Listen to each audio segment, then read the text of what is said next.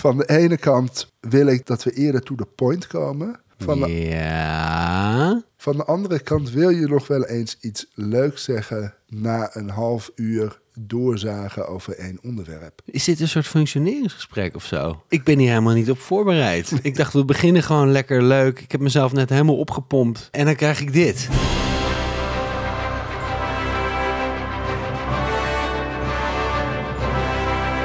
Welkom bij de podcast, waarin wij iedere aflevering één van de vele wonderlijke bijna doodervaringen van Kuifje onder de loep nemen, ontleden en rangschikken. Wij zijn Nico Bos en Dario van Vree en dit is Kuifje leeft.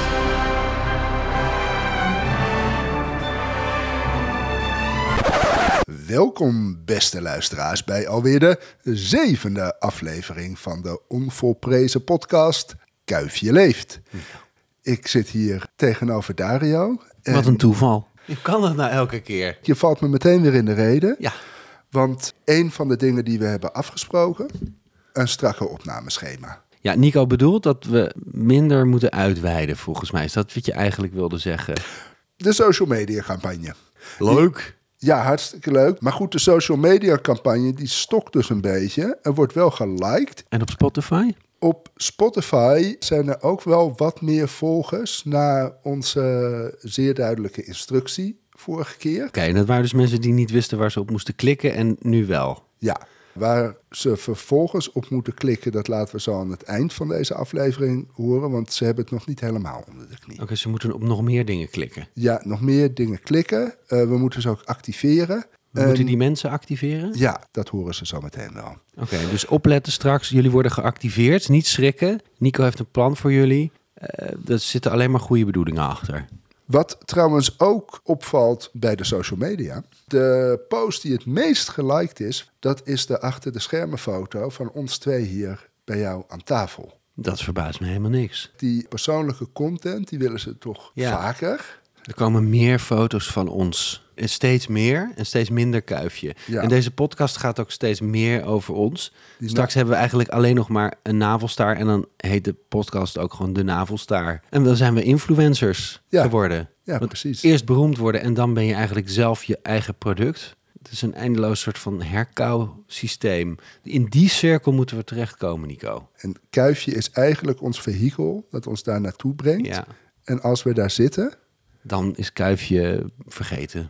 Had jij nog... Ja, ik had ook nog een reactie. Dit begint een beetje soap te worden, maar mijn vader, die zei dat hij het toch wel een, he- leuke, onderhoudende eh, podcast vindt, hoor. Ook al is het onzin. Dus hij begint een beetje terug te krabbelen, wat ik op zich eh, heel sympathiek eh, vind. Ja. En hij had ook nog een leuke aanvulling op onze vorige podcast. Want jij vroeg van, zou hij nou een roeispaan kunnen doorbreken? Ja, En hij antwoordt en hij zegt: Het is hem wel een keer gelukt om een roeispaan te breken. Ik had gezegd dat heeft hij nooit gedaan, maar hij heeft het dus wel gedaan. Hij heeft een keer een roeispaan gebroken, maar dat was, die, die was verrot. Het hout van de roeispaan was verrot. oh, dus dat kon ook nog. Dus dat kon ook nog, dat die roeispanen in die boot verrot waren. En dat het daarom het ook gelukt was om ze te breken. Ja, ik vind het heel fijn dat hij dat zegt. Ik denk dat het handiger is als je het voortaan direct op quora.com zet. want dan zie ik het meteen. Onze luisteraars. Onze luisteraars, ja, onze nou ja, kijk, mensen. kijk, en dan vooral een bepaalde groep. De Belgen. Ja, We hebben toch de vorige keer echt een thema besproken, wat eh, ze aan het hart moet gaan. zeker. Letterlijk en figuurlijk. Ja, maar nog steeds 5%. Oh, De Belgen blijven steken op 5% van de luisteraars. maar wel stabiel dus. Ja, ik ga er wel vanuit dat die op een gegeven moment 25% van onze luisteraars zijn. Maar die code hebben we nog niet gekraakt. Nee. Misschien dat het deze aflevering gaat gebeuren als we ook niet weten hoe. Ik ga over twee weken naar België, dus ik zal ze wat vragen hoe het zit. Ja, Waarom luisteren jullie niet?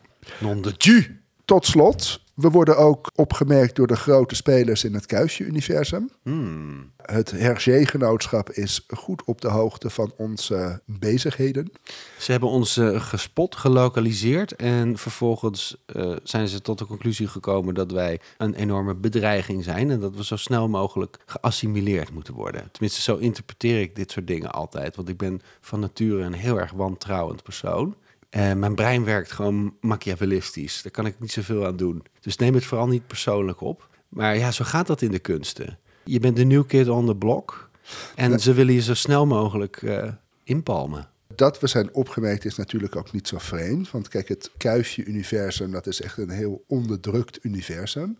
Allemaal partijen, ja, niemand die eh, durft zijn kop boven het uh, maaiveld uit te steken. Want er komt een moelenaar, Zeis, en die hakt hem maar in één keer af. Ja, met de Moulinaar bedoel je de erven Hergé. Precies. Ja. Wij hebben dat duidelijk wel gedaan. Ja, en dan val je meteen op. Dat blijkt. Maar Ja. wij nog niet. Wij zijn naïef, maar straks gaat onze kop er ook af. Ja, zullen we maar gewoon gaan beginnen? Als er problemen zijn, roept u gewoon stop.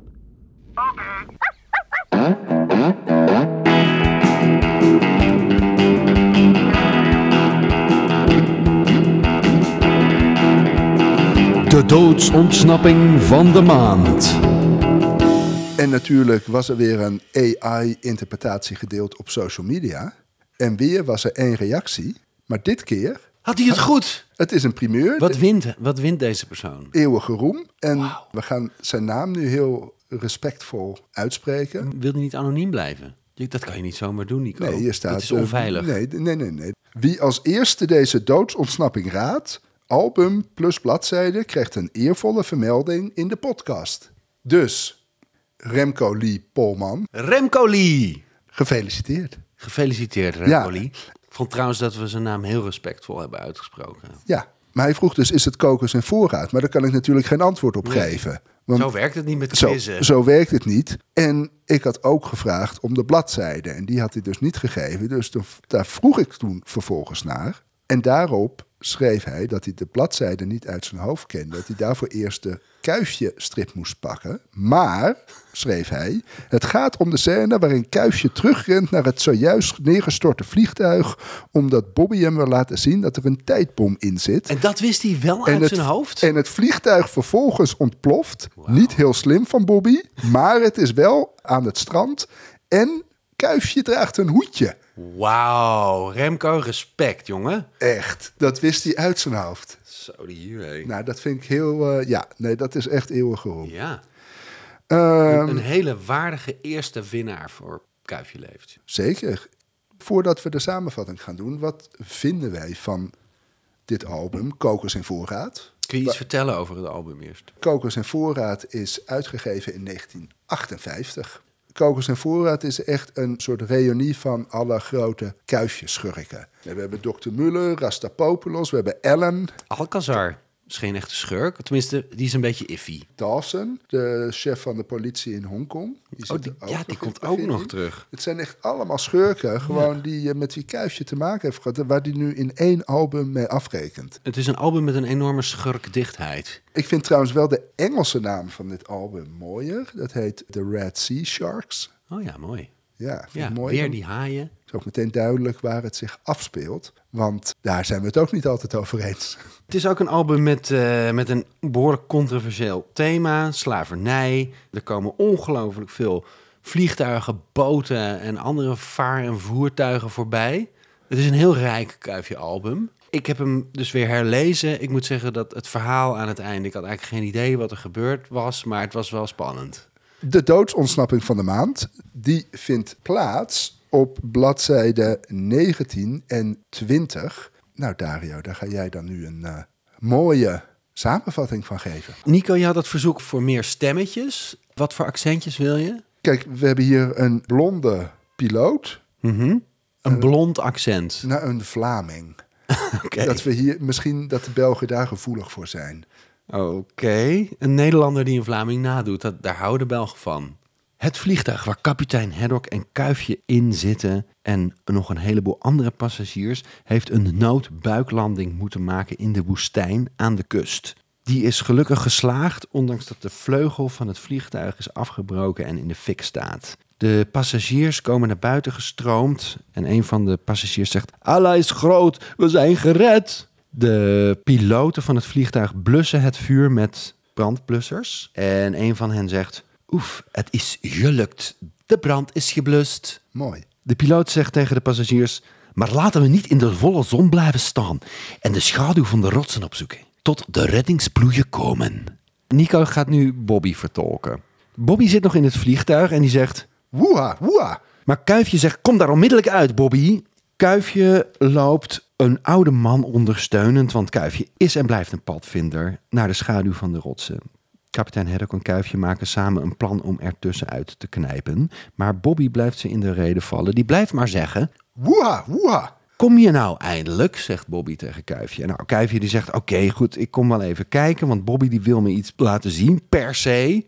En Kuifje die daalt weer terug rotsen af richting het vliegtuig. Ja, ja, Bobby, kalm maar, ik kom. We blijven even bij kapitein Haddock en een paar seconden later horen we een enorme ontploffing die de pet van kapitein Haddock's hoofd afblaast. Maar hij is vooral bezig om zijn fles whisky te beschermen en realiseert zich dan dat Kuifje onderweg was naar het vliegtuig. Hij schrikt, hij probeert zijn fles nog, nog zachtjes weg te zetten, maar die valt kapot. Hij rent naar het vliegtuig toe en Kuifje ligt op te krabbelen op zo'n, nou ja, wat zal het zijn, 20 meter van het ontplofte wrak van het vliegtuig. En het hele middenstuk van het vliegtuig is weggeblazen. Kuifje is nog een beetje duizelig. En kapitein Haddock zegt, eh, niet gebroken, niet gewond? En Kuifje stamelt, "Mm, mm, nee, ik, ik werd door de luchtverplaatsing tegen de grond gesmakt. Maar, en Bobby, waar is Bobby?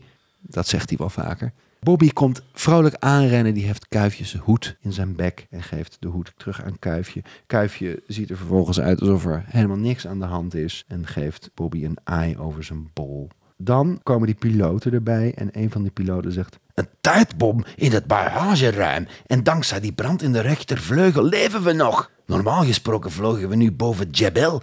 Stel je voor dat het toestel tijdens de vlucht was ontploft. En dan zegt Kuifje nog, ja, we zijn er goed van afgekomen. Puntje, puntje, puntje. Ik vraag me af of... En dan zegt hij ook, wat? En dan zegt Kuifje, nee, niets. Dat je passieve, agressieve opmerking hier van Kuifje aan het eind. Ja, Maar goed, misschien kunnen we het daar bij de nabrander nog even over hebben. dit is dus eigenlijk een beetje rare doodsontsnapping. Want deze doodsontsnapping die is al enkele bladzijden eerder ingezet. Maar tussendoor kwam er nog een andere doodsontsnapping. De buiklanding zelf. De buiklanding zelf inderdaad. Dus wij konden niet eerder beginnen. Dus dit was eigenlijk, nou ja, net als vorige week... toen hij eigenlijk gered werd door het watervliegtuig dat hem beschoot... Ja. wordt hij nu dus eigenlijk ook gered door de buiklanding... door de noodlanding die hem bijna het leven had gekost. Het is echt, het, is, het lijkt op elkaar. Het is een, het is een dubbele doodsontsnapping. Daarom hebben we ook een rekenprogramma. Dit gaat mijn pet te boven. Ja, dit wordt zo abstract. Het is fijn dat we de wiskunde hebben om dat voor ons in kaart te brengen. Precies. Wat vond je trouwens van mijn, eh, hoe ik het voor heb gelezen?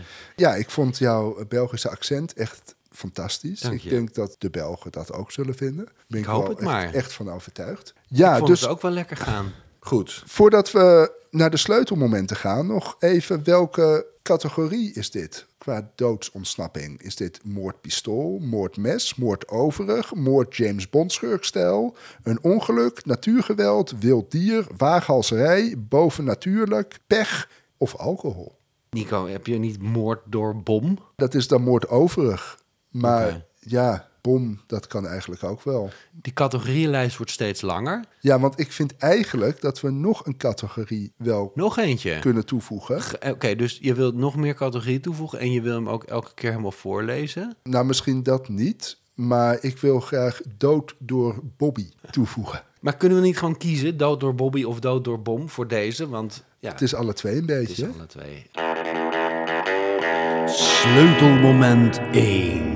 Dit is dus een beetje raar, want het eerste sleutelmoment wil ik toch gaan naar de scène die jij niet hebt besproken. Dus die een paar bladzijden eerder was, namelijk dat de bom in het vliegtuig wordt gelegd. Oké. door een eh, Arabier in opdracht van een eh gemeenkijkende Westerling. En hier werd ik wel een beetje huiverig voor mijn algoritmes. Ja, dan moet je toch bommen, vliegtuigen gaan lopen googelen. Ja, het is weer een heel riskant onderwerp. Ja, ik heb al huurmoordenaars op mijn lijstje staan. Huurmoordenaars heb je overal, Arabieren niet. Nou, misschien ook wel. Ja, maar dat had ik niet. Maar meer bom en kun je makkelijk een bom in een vliegtuig. Oh, op die manier is het. Ja, nee, inderdaad. Ah, ja, nee, snap het. Gewoon incognito-modus, Nico. Of een VPN.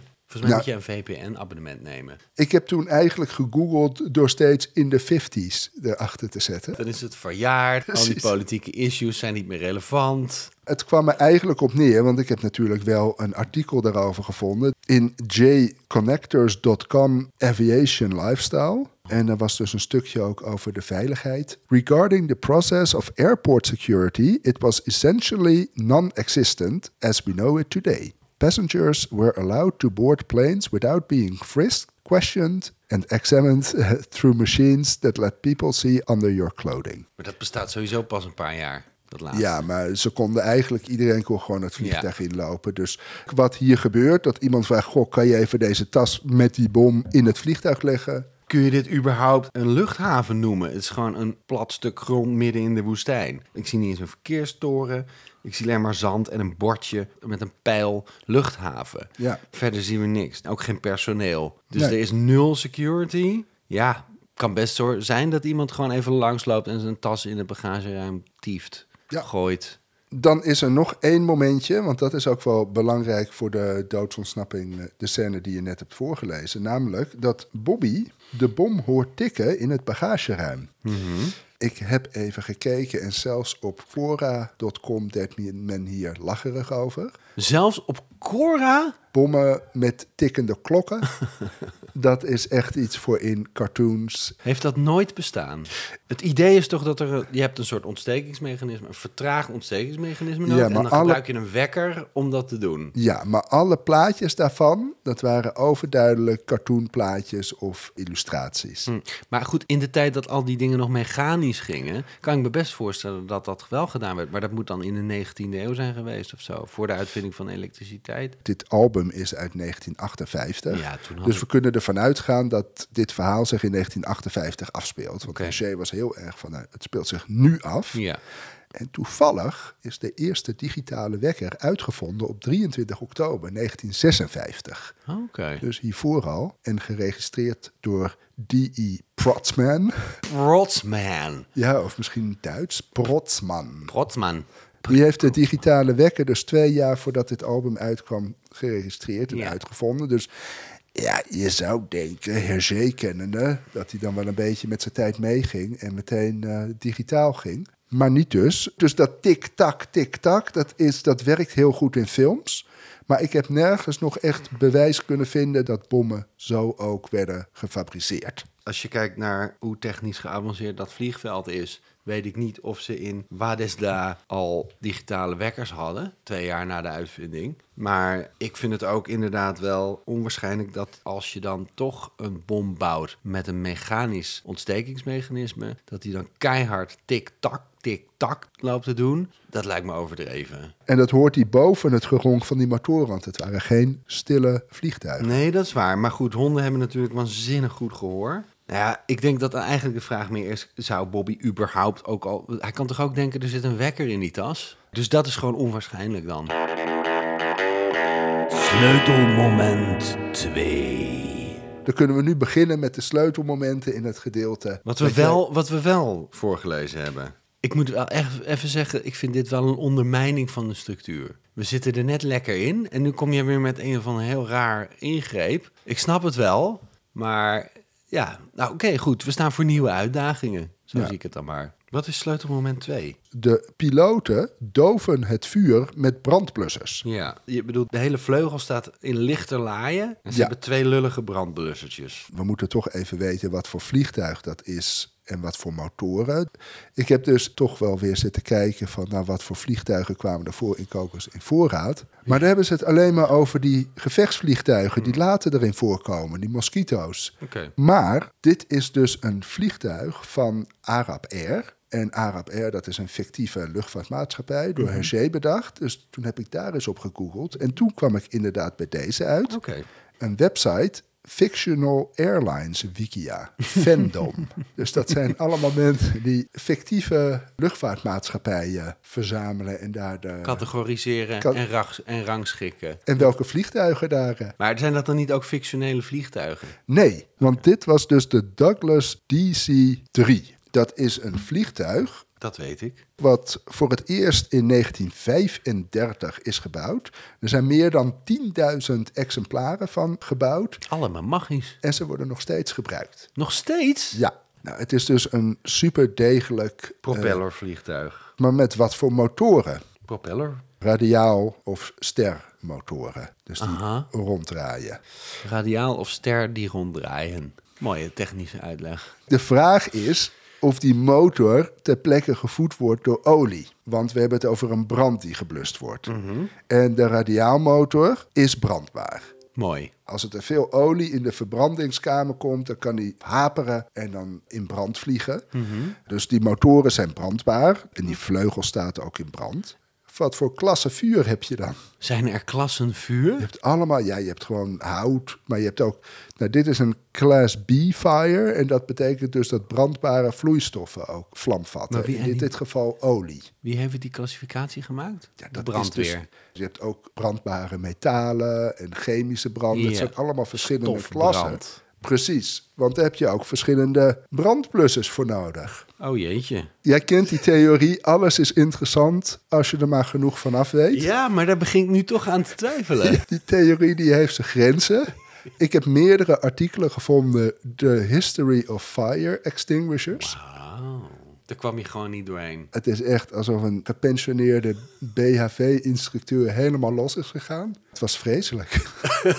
Alsof je met een brandblusser voor je kop geramd werd. Ik heb nog naar in de 50s proberen te zoeken. Ik ben er trouwens wel achter gekomen dat er een hele levendige markt is in de verkoop van vintage brandblussers. Hè, wat doen ze daarmee dan? Ja, die kan je bijvoorbeeld als deurstopper gebruiken. Oh, gewoon decoratief. Ja, decoratief. Als Ja. je een hippe kroeg hebt. Is dat niet gevaarlijk? Dan mensen denken, oh, er is brand, ik moet dat ding. En dan komt er prutten uit. Er is dus ook een bedrijf dat brandblussers verkoopt die er vintage uitzien, Aha. maar het wel gewoon doen. Wat fantastisch, Nico, dat jij een antwoord hebt op deze gedachtenkronkel van mij. Ik ruik een sponsordeal. Uiteindelijk kwam ik op een site terecht waar dus precies stond welke brandblusser je nodig hebt voor het blussen van een brand bij de Douglas DC-3. Wauw.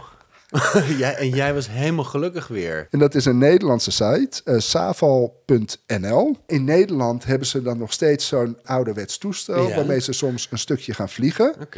En wat ik dus net zei, die eh, motoren, als ze dus warm gaan draaien of aan worden gezet, Nico dan maakt de- nu hele interessante gebaren met zijn vingers. ja, draaien, Ja, soort tit- titty twisters. dan is er de grootste kans dat zo'n motor in de fik vliegt. Als die motoren aan worden gezet, dan moet er altijd iemand klaarstaan met een brandblusser. En dat is dus ja, gewoon de CO2 brandblusser. Ja, voor klasse B.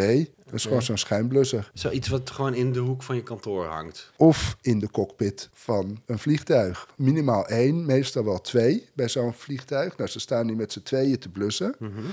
Als je dit allemaal zo hoort, het soort vliegtuig, de motor met olie, ja, dat kan branden. Er zijn brandblussers klasse B, fire, die ook in het vliegtuig aanwezig zijn. Eh, Het klinkt allemaal heel, eh, heel plausibel. Vind je het niet heel raar dat als zo'n vliegtuig net een buiklanding heeft gemaakt in de woestijn, dat die piloten dan het vleugel gaan blussen? Waarom niet? Wat denken ze? Van nou, dan kunnen we misschien verder vliegen? Nee, om, nee. Hebben ze niet iets beters te doen? Dat vliegtuig is totaal los. Misschien dat een piloot die dit hoort hierop kan reageren. Dat hij zegt van nou nee, maar het is standaard dat je eerst je vliegtuig blust voordat je wat anders gaat doen. Ja, nee, ik denk dat dat klopt, Nico. Want het is natuurlijk ook gewoon gevaarlijk. Want het vliegtuig kan verder in brand schieten en ontploffen. Plus er zitten misschien nog allerlei bruikbare spullen in dat vliegtuig. Ik kan me wel voorstellen dat dat hoort bij de procedure die je moet volgen als je een buiklanding hebt gemaakt en er is brand. En alle passagiers zijn ook al naar buiten toe. Er loopt er altijd eentje met een paraplu.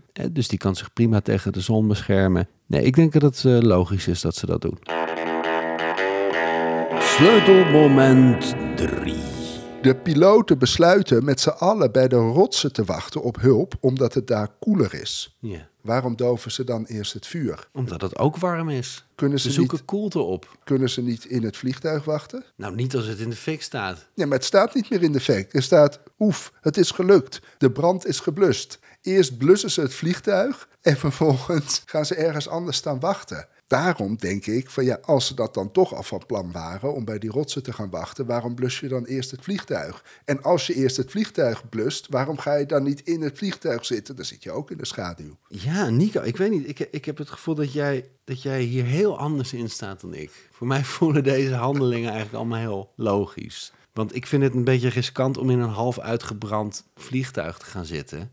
En je hebt vast wel eens een keer in een auto gezeten in de volle zon zonder airco. Dat kan knap heet worden hoor. En, en die raampjes van het vliegtuig gaan ook niet open. Dus dan kun je beter ergens in een beetje in een briesje onder een rots gaan zitten. De rotsen die zich om de Rode Zee bevinden, dat zijn over het algemeen graniet- en kalkrotsen. Ja. Wordt dat niet heet in de zon, maar dat valt wel mee. Bovendien gaan ze niet in de zon, maar in de schaduw zitten. Denk jij dat het koeler is tussen de rotsen? Dat het zeg maar die klim waard is? Want ze moeten echt best wel een stukje klimmen. Ja, Kuifje moet zelfs een oude man ondersteunen. Ik zit nog even naar het plaatje van die, dat kuifje die oude man ondersteunt te kijken. En als je daar goed naar kijkt, dan lijkt het net of die oude man aan het blaffen is. Er staat woeha, woeha in een tekstwolkje en dat wijst naar die man. En we zien Bobby helemaal niet. Kuifje ondersteunt een blaffende oude man naar een schaduwrijk plekje in de rotsen. Ja, ik denk dat zeker de inspanning loont. Want het is daar snikkerdie die heet. In het vliegtuig is het nog heter. Dus het is eigenlijk de enige optie.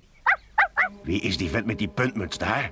Eh, kapitein Haddock, dit is de grote wijze.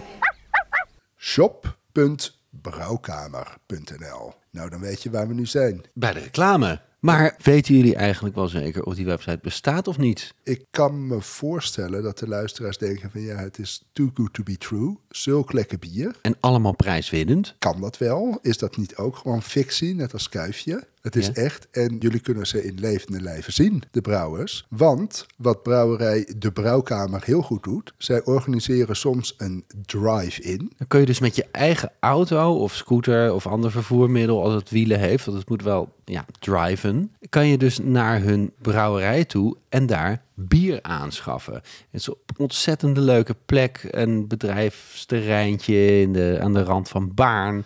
Ontzettend gezellig. Als je dan die brouwers daar ziet, het is wel ja, het idee van een roos in de woestijn. Eh, zij brengen daar een hoop licht en leven tussen die garageboxen. Maar je kunt dus daar gewoon op bepaalde data zelf naartoe rijden. Dan ontmoet je de brouwers. Dan krijg je dus echt een knuffel en ja, een, een dikke pakkert en bier als je betaalt. Ja, En om te zien wanneer zo'n drive-in is. check gewoon even die Insta van de brouwkamer, je weet, toch? En dan zie je dus wanneer zo'n drive-in plaatsvindt. En dan kun je dus zelf naar dat fantastische industrieterrein net bij de baan gaan. En dus zelf echt persoonlijk uit de klauwen van die brouwers zo'n... Doos bier trekken. En dan heb je een goede rit naar huis hoor. Het is ook zo mooi dat ze dat gewoon zelf doen. Hè? Ze hebben helemaal geen retail systeem of zo. Want ze vinden het leuk om in de ogen te kijken van de mensen die hun bier tot zich nemen. Het is heel persoonlijk. Ja. Zonder uw hulp zou de reis naar de maan niet door kunnen gaan. 10.000 bliksembommen, dat is nog waar ook, zeg! Sleutelmoment 4. En dat is dus dat Bobby Kuifje met zijn geblaf overhaalt om weer vanuit de rotsen, waar ze dus lekker in de schaduw zitten, terug te lopen naar het vliegtuig wat daar op het strand ligt. Ja, want Kuifje zegt, Bobby wil mij per se iets laten zien. Dat Bobby dat wil, dat is eigenlijk heel onlogisch. Nico, je neemt nu hier een enorme... eh, je sorteert hier nu enorm voor of dit wel of niet waarschijnlijk is. Nou, laten we kijken. Het heeft alles te maken met de tijd van het jaar dat deze doodsontsnapping plaatsvindt. Nou, we hadden het net al even over het thema van deze strip. Ja, Slavernij. precies. Het gaat erover dat Mohammedanen uit Afrika naar Mekka reizen en onderweg tot slaaf gemaakt worden. Om te beginnen, wanneer reizen Mohammedanen naar Mekka? Tijdens de Hajj. De Hajj is een pelgrimstocht naar Mekka. Dat is een van de vijf zuilen van de islam. En de Hajj is verplicht voor alle gezonde volwassen moslims die over voldoende geld beschikken. Eén Eh, keer in, in hun leven, toch? Eén keer in hun leven gaan dus in dit geval Mohammedanen uit Afrika gaan naar Mekka. Uit welk jaar is deze strip? 58, dat zei je al. Dus ik heb even gekeken wanneer de Hajj was in 1958. Ja, want die is dus niet elk jaar op hetzelfde moment, omdat de kalenders niet allemaal hetzelfde zijn. Precies. En in 1958 begon die op 25 juni. Hoe warm is het dan aan de Rode Zee? Dan heb ik even gekeken. Eh, het speelt zich allemaal af in het fictieve land Kemet. Kemet. Ja, en dat ligt ingesloten eigenlijk tussen Jordanië, Irak en Saoedi-Arabië aan de Rode Zee. Toen heb ik gekeken van nou, hoe warm is het daar in juni? Dat is ongeveer 39 graden Bloody hot. in de volle zon. Hoe voelt het zand van een strand aan als het 39 graden is aan de rand van de woestijn? Nou, heel erg heet. Superheet. En dan heb ik eens gekeken, wat gebeurt er met de pootjes van een hondje als je over superheet zand loopt? Oh, Dat heb ik dus even uitgezocht. ja. Pseudowetenschappelijk onderzoek. Heb je het niet uitgeprobeerd? Ik ben uiteindelijk eh, terechtgekomen op taxvetpets.org. Tex Vet Pets. Ja, een Texaanse eh, Oh, dieren. Ik dacht iets met belastingen en nou ja, oké. Ja, wat er dan met een hondje gebeurt als hij over heel heet zand loopt. Hmm. Ja, maar dat hebben ze ook in Texas. Heatstroke, thermal and solar burns are not specific to the beach, but they can happen very quickly and have devastating results. Ja, ze krijgen blaadjes. Yeah, a common way thermal burns develop is dogs walking or standing on hot sand, asphalt, or concrete. A rule of thumb is that if it's uncomfortable for your feet, it's too hot for their paws. If you can't carry your dog across the hot sand, invest in a pair of protective booties. Light colored and short haired breeds are prone to sunburn and secondary skin Dat cancers. is Bobby. Ja, het is niet alleen pijnlijk, het is ook levensgevaarlijk. En dit is dan advies vanuit Texas, hè? Heb ik ook eens gekeken hoe warm het in juni is in Galveston. Dat ligt aan de Texaanse kust. Nou, daar is het maar 30 graden. Oh. Dus echt een stuk minder warm dan in... Kemet.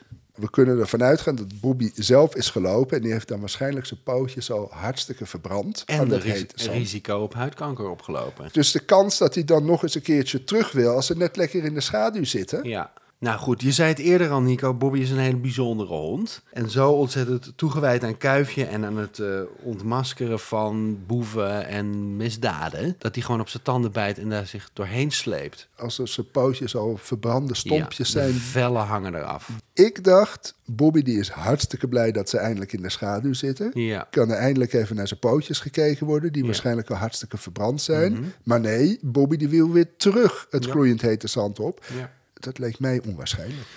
Wat ik dubieuzer vind is, waarom wil Bobby nou zo graag dat Kuifje naar die bom kijkt? Het vliegtuig is al neergestort. Waarom moet Kuifje nu alsnog naar die bom toe? Deze categorie valt niet voor niets onder dood door Bobby. Nee, dat, dat, daar valt Bobby wel door de mand als een beetje een obsessief personage. Past Zeker. ook wel weer bij het hond zijn op zich. Het sleutelmoment suprême. En dat is natuurlijk dat het vliegtuig ontploft. Ja, we zien dit vooral vanuit Haddocks perspectief. Mhm. Die blijft achter. En eh, ja, die is vooral bezig met de fles whisky. Die die moet beschermen als hij op een gegeven moment een keiharde knal hoort. En zijn pet afgeblazen wordt. En dan rent hij naar Kuifje. En dan ziet hij dus Kuifje ook op het strand liggen. Vlakbij dat ontplofte vliegtuig. Maar wat er precies is gebeurd, dat hebben we dus niet gezien. We weten alleen dat er een flinke ontploffing is geweest. En dat Kuifje daarbij in de buurt was. En dan wil ik dit moment toch graag aangrijpen om een lans te breken voor Fora.com. Oh, ik dacht om mij te bedanken, maar goed. Quora deed zijn intrede in aflevering 4 van deze podcast. De onverantwoordelijke hondenbezitter. Met de formule van Matt. Ja. Van overleef je een val Ja. op de maan. Nou, dat was hartstikke handig. Waanzinnig goede informatie. Ja, en eigenlijk is sindsdien Quora een vaste bron bij het pseudowetenschappelijk onderzoek van deze podcast. Mhm. Die eerste afleveringen, toen waren we ook nog op zoek naar proefpersonen. Mhm. Bijvoorbeeld bij die berenklem in een spion van niks. Had ik toen maar op Maar Quora onze sp- gekeken. Onze sponsor wel. Er waren 31 reacties op de vraag: How painful is it to walk on a bear trap? Van een beertrap. Nou, dat zal onze sponsor leuk vinden, deze verspreking. Over het algemeen, het doet ongelooflijk veel pijn. Het kan je bot verbrijzelen, nou, allemaal narigheid. Ik heb ook een filmpje gevonden op eh, YouTube. snuf. Een man in China die inderdaad in een, nou niet eens een berenklem, maar in de klem van een wild zwijn was gaan staan. Oh en die moest echt eh, uitgezaagd worden door de brandweer. Het ging niet goed met hem. En dat is dan nog een kleinere klem. Ja, wat een leuk, wat leuk dat onderzoek weer dit. Quora, dat is eigenlijk een wereldwijde kweekvijver van proefpersonen voor ons. Dat is het dus. Oh. Kijk, alle dingen die Ja, wij niet weten, klopt. waarvan we denken, ja, we hebben een proefpersoon nodig. Ja. Nou, er is echt wel iemand, gek genoeg, die dat al heeft meegemaakt. Ja. En wat betreft proefpersonen, dat zijn over het algemeen rednecks, die met hun geweer spelen. Ja. Of met beren klemmen. Ja, Of de Darwin Award Ja. winnen. Jij omschreef het als er is altijd wel iemand ter wereld met een even zo idiote vraag als jij, Ja. op Cora. Ik zie het anders. Er is altijd wel een proefpersoon voor ons ergens ter wereld. Ja, dat die, is dan... Ja, die een doodsontsnapping. Dat is dan weer jouw Ja. perspectief, dat, hè, dat, meer- dat meer afstandelijke, dat snap ik wel. Je ziet mensen als proefpersonen. Nou ja, leuk deze lofzang op Cora, Nico. En onze proefpersonen, dank, thank you. Ja, if you are listening, thank you for being our proof persons. Ik heb dus ook de vraag gesteld: wat is het effect op een mens als je dicht bij een explosie staat? Wat is het effect als je dicht bij een exploderend Can, vliegtuig can you staat? survive an explosion? En om te beginnen kwam ik niet eens op Cora. Er is dus een PDF op cdc.gov. Effects of blast pressure on structures and the human body. Is dat een website van de Amerikaanse overheid? Ja, dat gaat vooral dus over mijnexplosies. Jouw explosie. Nee, mijn, mijnschacht. Of van mijnen. We zien dus dat het vliegtuig helemaal uit elkaar is geknald. Nou, nu even over de kracht van die explosie. Ja. Ik denk dat je dat wel kunt vergelijken met residential structures collapse. Huis is stevig hoor. Denk jij moderate damage to houses, windows and doors Ja. blown out and severe damage to roofs? Ja, ja, dat zou kunnen. Als dat huis vlak naast het vliegtuig zou staan, dan zou het best kunnen dat het dak ook beschadigd raakt. Het effect on a human body daar is people injured by flying glass and debris. De conclusie is dat Kuifje gewoon gewond zou raken bij dit soort Explosies. explosie. Minimaal. Precies. Minimaal Eh. gewond of minimaal gewond of ook dood? Minimaal gewond. Ja, Dood maar- is niet minimaal. Nee, dat is maximaal gewond. Maar gelukkig hebben we ook nog Cora. Can you survive an explosion? Dan moet ik wel zeggen dat als je naar Cora gaat met zo'n vraag, dat ze erg inzoomen op een nuclear explosion. Want dat is natuurlijk veel interessanter. Ja. Nou ja, het is eigenlijk een beetje wat wij net zeiden. Maar wat wel dus belangrijk is, is dat je je meteen op de grond laat vallen.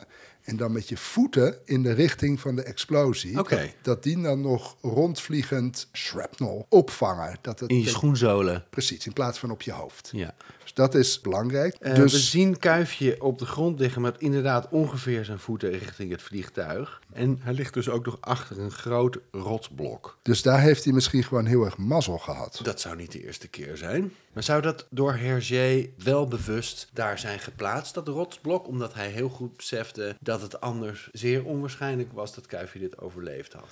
Ik heb niet het idee dat Hergé zich heel erg bezighoudt met de waarschijnlijkheid van de overlevingskans van Kuifje. Maar dit is toch wel een opvallend detail. Dat hebben wij dan nu ontdekt. Het vreemde is, hij heeft dus helemaal niks. Hij is een beetje duizelig. Ja. Hij is zijn hoed kwijt.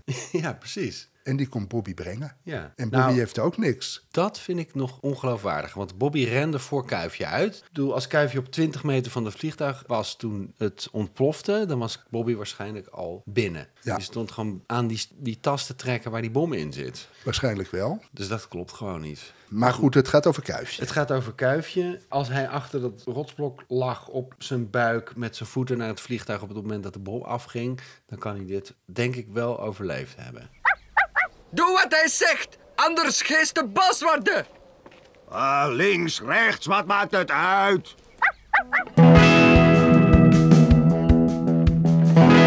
Kuifje in context.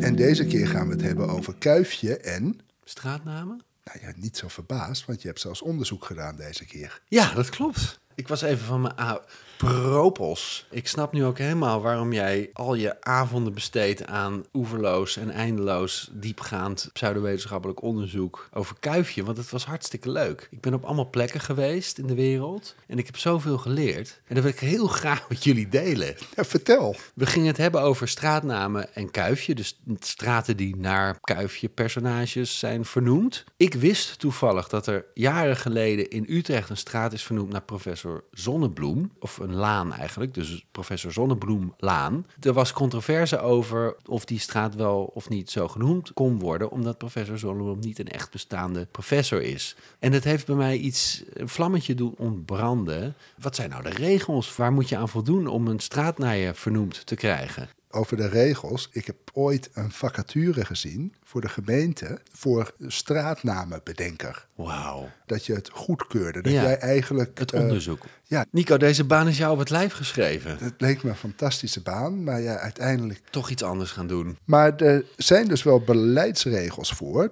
Beleidsregels, straatnaamgeving en huisnummering. Weer zo'n heerlijk sappig documentje. Bij straatnaamgeving wordt gekozen voor beroeps- of andere groepen, bijvoorbeeld muzici, planeten of instrumenten. Bij incidentele straatnamen wordt in principe aansluiting gezocht bij de straatnamen uit de directe omgeving. Het vernoemen van straten naar personen kan alleen geschieden naar personen van het koninklijk huis, personen die om hun verdiensten in hun leven na hun dood op deze wijze geëerd kunnen worden. Hierbij dient een periode van minimaal 10 jaar na overlijden in acht te worden genomen. Tien, oké. Nou, dat is eigenlijk heel vreemd, want we zijn er wel achter gekomen dat er twee kuifjestraten zijn. Een kuifje is natuurlijk niet dood. Nou, precies. En dat sluit precies aan op mijn onderzoek. Want als ik het nog even mag vertellen over die professor Zonnebloemlaan in Utrecht. Daar had de gemeente had aan de toekomstige bewoners, want het is een nieuwbouwwijk, gevraagd om met suggesties te komen voor straatnamen. En een van de suggesties die door veel bewoners werd ingebracht was dus de professor Zonnebloemlaan. Die werd in eerste instantie afgekeurd. In eerste instantie niet omdat het een fictieve professor was, maar precies om die reden dat hij nog niet vijf jaar dood was. Dat was de formele reden om af te wijzen. Het lijkt me een hele fantastische baan, dat je daar zeg maar beslissingen over kan nemen. Het is een beetje voor God spelen. Ben je nog meer te weten gekomen? Zeker. Nou, dat er in Almere een Kuifjestraat is en een Bobbyplantsoen. Maar ik geloof dat jij daar ook al iets over wilde gaan zeggen. In Almere heb je dus een hele stripheldenbuurt. Precies. Daar heb je dus inderdaad de Kuifjestraat, het Bobbyplantsoen. Vlak daarbij ook het Suskeplantsoen, de Wiskestraat, de Lambiekstraat, de Jongromstraat en een behoorlijk lange Sidonia-straat. Natuurlijk heb je ook de Lucky Luke-straat en de Rattenplantstraat.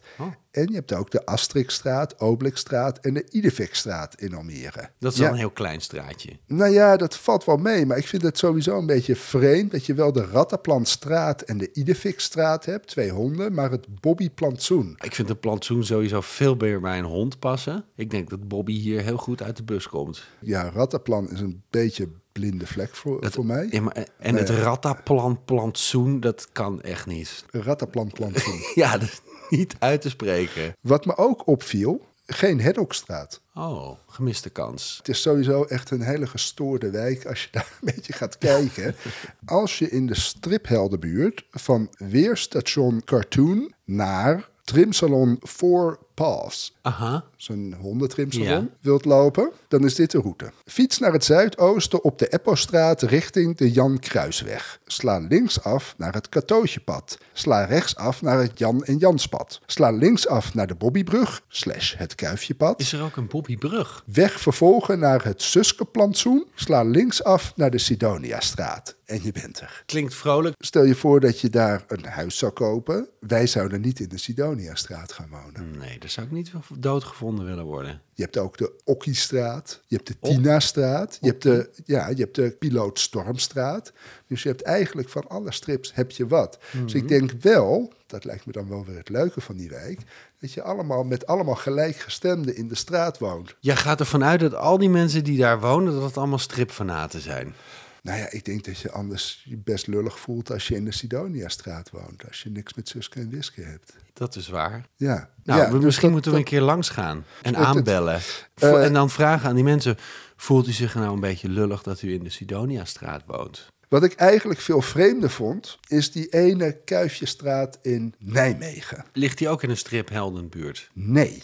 Oh. Maar wat ik nog het meest opvallende vond, er is dus een hondenspeeltuin aan de Kuifjestraat. En hoe heet die? Hondenspeeltuin Vicky. Oh nee, Wa- waarom is daar nog geen petitie de- ingediend door die bewoners? Dat, dat kan toch niet? Nou ja, het kan dat zijn zijn... geen stripliefhebbers, dat is duidelijk. Nee, ja, misschien dat het een straat is vernoemd naar een kapsel. Dat zat ik ook te denken, ja. De kapselbuurt. Ja, Maar ik ben er ook achter gekomen dat er dus een straat is waar Kuifje gewoond heeft. En die bestaat echt. oh, In het album Het Gebroken Oor wordt het adres waar Kuifje woont genoemd. ah, Hij woont in Brussel en hij woont in de Rue du Labrador nummer 26. Maar goed, die, die straat bestond op dat moment niet echt in Brussel. Maar inmiddels bestaat die straat wel echt. Ah. Niet in Brussel, maar in Louvain-la-Neuve. En die stad, dus eigenlijk, heet eigenlijk Nieuw-Leuven. Maar dat mag je niet zo zeggen, want het hele bestaan van die stad is te danken aan de taalstrijd. De studenten die aan de Universiteit van Leuven studeerden aan in de jaren 70 wilden Nederlandstalig onderwijs. Dat is zo hard doorgevoerd dat die universiteit zich heeft opgesplitst in een Franstalige en een Nederlandstalige tak. En voor die Franstalige tak is een hele nieuwe stad gebouwd, Louvain-la-Neuve. Die is in een vallei gebouwd. Het is een soort van jaren 70 utopie. In die vallei hebben ze een grote betonplaat neergelegd. En al het autoverkeer vindt plaats onder die betonplaat. En op die betonplaat staan de huizen en de wegen, et cetera. En woont Kuifje. In dat nieuw uit de grond gestampte stadje is het Hergé Museum aan de Rue du Labrador nummer 26. Wauw. Echt dat we bij deze in Kuifje in context tot zulke interessante informatie komen via een winderige wijk in Almere buiten. Kun je dan niet heel even schrikken, jij overjarige marmot die je bent? Denk jij soms dat ik zin heb in al die flauwekul?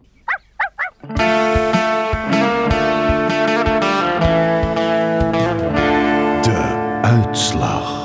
Voordat we de uitslag bekendmaken, gaan we eerst natuurlijk nog even de sleutelmomenten doornemen.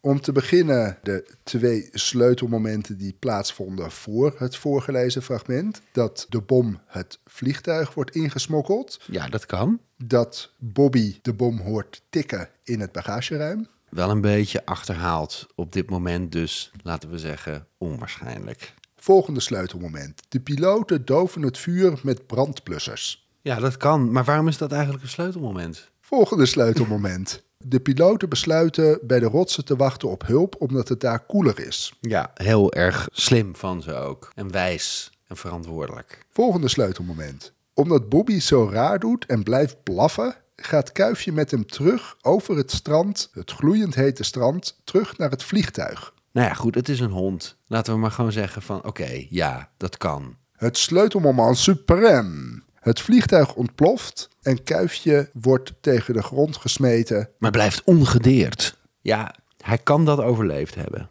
Dan komen we bij de hamvraag. Leeft Kuifje of sterft Kuifje? Kuifje leeft.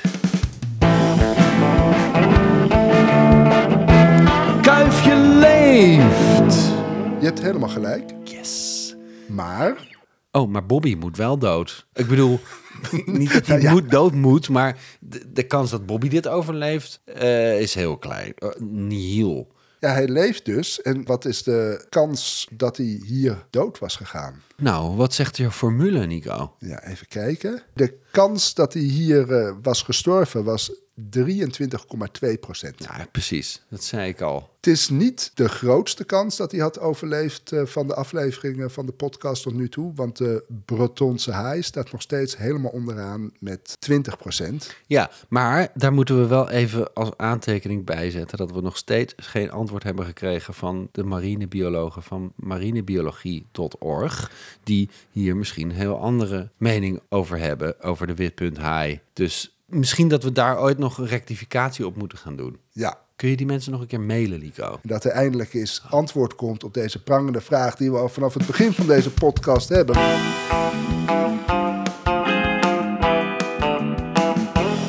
De nabrander. Ik vind dit een heel leuk stukje. Niet per se vanwege die explosie en zo, maar vooral het stukje waar Haddock zijn fles whisky probeert te beschermen. En er zitten ook leuke taalgrapjes in. En hij zegt op een gegeven moment, ze moeten 50 kilometer lopen. En dan zegt hij, 50 kilometer. En ik heb nog, eens kijken, ik heb nog een halve liter whisky. Dat is 1 liter op de 100 kilometer. Niet geweldig, maar het kan. En dat deed me een beetje denken aan ja, hoe jij met de percentages en de berekeningen van deze doodsontsnapping kansen omgaat, Nico. Ik heb het gevoel dat je altijd met een enorme omweg en raar gedoe met cijfers. Het klopt wel wat hij zegt uiteindelijk. Maar Ja, ook wat ik zeg. natuurlijk, daar ga ik vanuit. Maar ja, maar wel op een hele rare, omslachtige manier. Het grappige is, ik had dus ook deze scène als nabrander. Oh. Ik had toch een iets andere insteek. Ik dacht, ja, 1 liter op 100 kilometer, dus een halve liter op 50 kilometer. Denken alcoholisten zo? Nou, dat kan ik je haarfijn uitleggen, Nico. Want ik heb vijf jaar in België gewoond. Als je een beetje rekenkundig ingesteld bent als alcoholist, dan denk je zo. Anders denk je in blikken en flessen. Dit is al heel geavanceerd voor een alcoholist. Ik denk dat een alcoholist altijd bezig is, heb ik nog genoeg? Dus eigenlijk zeg je dat Hedok een heel geavanceerde alcoholist is. Absoluut, het is een hele ervaren alcoholist. Maar dat wisten we al, toch? Vorige keer hebben we een hele duidelijke oproep gedaan aan onze luisteraars om ons ook te volgen. En hebben ze dat gedaan? Mondjesmaat. Maar wat nog veel zorgwekkender is, is het aantal beoordelingen van de podcast. Oh. Dus Dario, misschien kun jij de luisteraars heel ronkend vragen of ze toch ons willen gaan beoordelen. Ronkend vragen. Nou ja, Ik vond dat jij gewoon wel lekker bezig was met die strenge toon. Ik denk dat dat op dit moment wel goed werkt. jullie moeten ons ook beoordelen. Ja, beoordeel ons. En dat is echt niet zo lastig. Nee, je moet gewoon sterretje typen. Niet één, vier, vijf. Sterretjes vijf typen. eigenlijk. Ja, Ja, Ziezo. Tot ziens. Goed, ga dan maar. En vraag me niet of ik meega, want het antwoord is nee.